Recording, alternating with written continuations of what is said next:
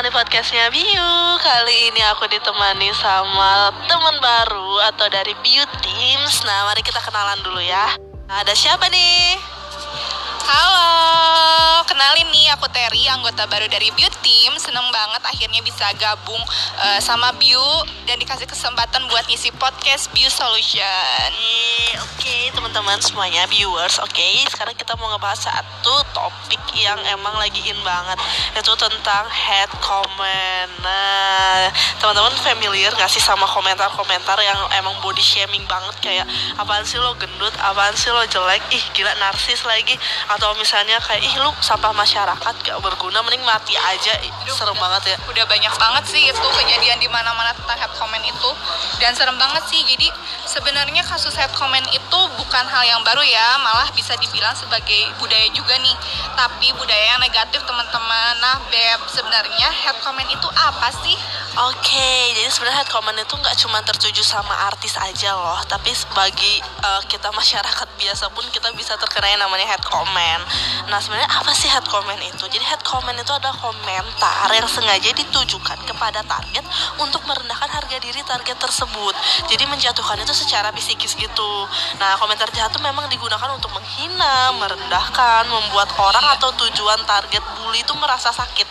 Tapi sakitnya bukan fisik, tapi lebih ke mental, mental gitu. Gitu iya, iya, nah biasanya komentar jahat itu bisa kayak ejekan hinaan atau body shaming kayak label-label negatif yang kayak gitulah. Terus kadang juga ya lu murahan SKSD sok gaul sok cantik ya dan lain sebagainya. Banyak banget lah ya. Teman-teman juga mungkin suka baca atau pernah denger kali ya Aduh, dengar pengertiannya aja udah bikin merinding sih. Tapi kok aneh ya? Kenapa sih orang-orang tuh bisa dibilang ya ya oknum lah, oknumnya lah ya berani gitu ngelakuin komentar jahat padahal kan efek buat orang lain tuh bener-bener bisa fatal banget gitu. Terus kenapa sih orang-orang tuh pada Bener. berani gitu tega gitu sih lagi ya betul kenapa sih orang berani? Ya karena itu di media sosial. Jadi karena media sosial itu ada tempat yang paling nyaman gitu ter sama uh, viewers. Ya. jadi untuk mengutarakan komentar jahat kita cuman perlu kayak pakai akun fake yang benar-benar nggak bisa sulit untuk dilacak gitu ya. Jadi kayak dia merasa aman nyaman daripada dia harus ngomong langsung ke orangnya. Kalau ke orangnya langsung kan pasti kan orangnya atau oh lu yang ngomongin gak gua. ah enak, enak. Iya tapi kalau misalnya dari media sosial kan kayak ah siapa nih yang ngomongin aku? Tuh nih dari mana? Kan dia nggak ada yang tahu gitu sih. Yes.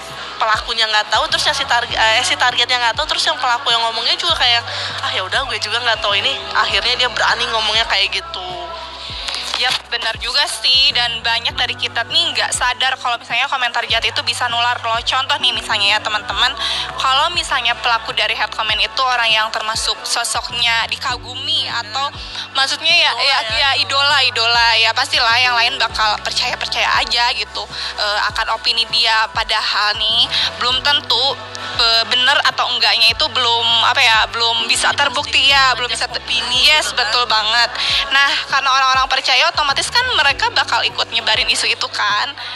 Dan bakal ikut nyebarin pokoknya jadi ikut intinya iya gitu ya, benar banget. dia belum tahu gitu ya iya benar-benar. Karena dia idola akhirnya hmm. ikutan gitu. Nah that's the point kalau udah kayak gini nih sebenarnya akibatnya apa sih? Oke, okay, biasanya dia karena nyarangnya psikis ya teman-teman. Jadi pasti ke mental, pasti ke uh, ke apa namanya penyakit mental gitu kayak mental illnessnya gitu. Nah sebenarnya orang bisa sampai depresi, stres, sampai mungkin ada yang bunuh diri juga. Nah sebenarnya kenapa sih bisa? Karena komentar jahat itu tuh terekam dengan baik dan terrecord dengan baik yang namanya di jejak sosial, di jejak rekam sosial gitu. Nah itu yang bikin orang jadi stres karena secara nggak langsung beribu-ribu orang atau siapa pun yang datang yeah, ke akun dia yeah, baca yeah. komennya orang bakal tahu kalau dia lagi direndahin dia yeah. lagi dijelekin nah itu yang sebenarnya bikin korban jadi ngerasa nggak aman down. dan ngerasa down yeah, ya yeah. itu sebenarnya penyebabnya wah serem sumpah ini serem banget sih jadi kayak dampak dari head comment itu benar-benar bisa dibilang fatal banget sih buat mental dan psikis si korbannya itu. Oke, sekarang kalau misalnya kita udah terlanjur nih jadi korban head comment itu gimana sih cara kita mm, ngadepinnya gitu? Cara biar membentengi diri biar nggak nggak terlalu dibikin stres yang gitulah pokoknya Oke, sebenarnya ada sih kayak uh, kiat-kiat pertama kalau misalnya kita kena head comment nih. Yang pertama kita harus cuek ya teman-temannya viewers ya. Jangan terlalu ditanggapi lah komentar-komentar jahat itu. Nah, uh, berusaha untuk menjadi lebih positif aja ya udah. Tapi kalau misalnya emang ternyata nggak bisa, nah teman-teman bisa lo ngeaktifin kolom komentar. Kan sekarang di Instagram di mana kan udah bisa ya. Jadi nggak bakal ada yang komen-komen jahat lagi.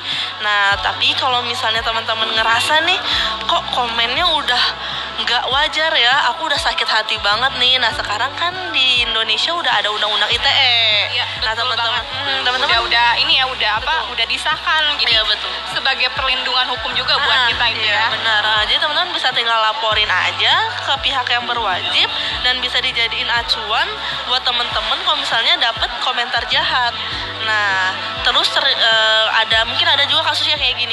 Nah kak tapi aku udah mulai rada depresi ini udah rada insecure udah mulai nggak bener nih. Nah tandanya teman-teman udah mulai ter eh, kontrak namanya terkon terkontaminasi benar sama Yes. head comment itu nah teman-teman harus mulai cari pertolongan.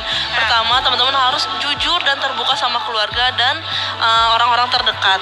Jadi jangan malu ya. Pokoknya Iya, ap- eh, kalau misalnya kamu ada masalah seperti ini cerita aja sama orang Benar, terdekat benar, sama orang yang kamu benar-benar Betul, percaya.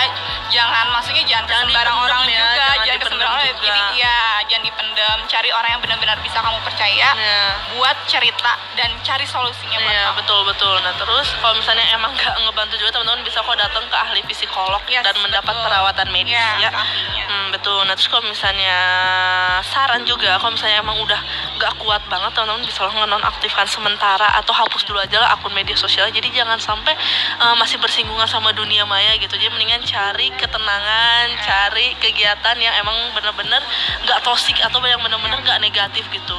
Nah terus teman-teman juga bisa pergi rekreasi untuk menenangkan diri. Nah yang pasti jangan upload ke media sosial. Ya. Pokoknya benar-benar usahain me time, penyembuhan dan lain sebagainya sampai teman-teman ngerasa siap mental maupun fisiknya untuk kembali lagi ke dunia maya. Nah kayak gitu.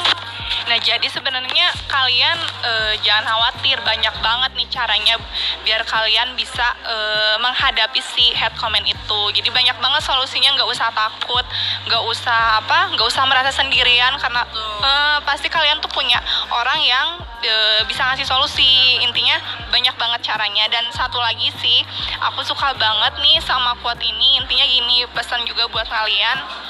Eh, kalau kalian misalnya nggak bisa kasih manfaat buat orang, jangan pernah jadi beban orang lain. Minimal itu. Betul. Karena apa ya? Kita nggak pernah tahu perasaan orang lain dari ucapan kita atau dari sikap kita kepada orang lain. Kita nggak pernah tahu perasaan orang lain. Jadi intinya eh, Kalau nggak bisa bikin Iya. baik, kalau nggak bisa ngasih bahagia udahlah ya. Nah, Jangan udah cukup. beban. Ya, fokus aja sama fokus sama masalah kamu sendiri, Sama fokus sama.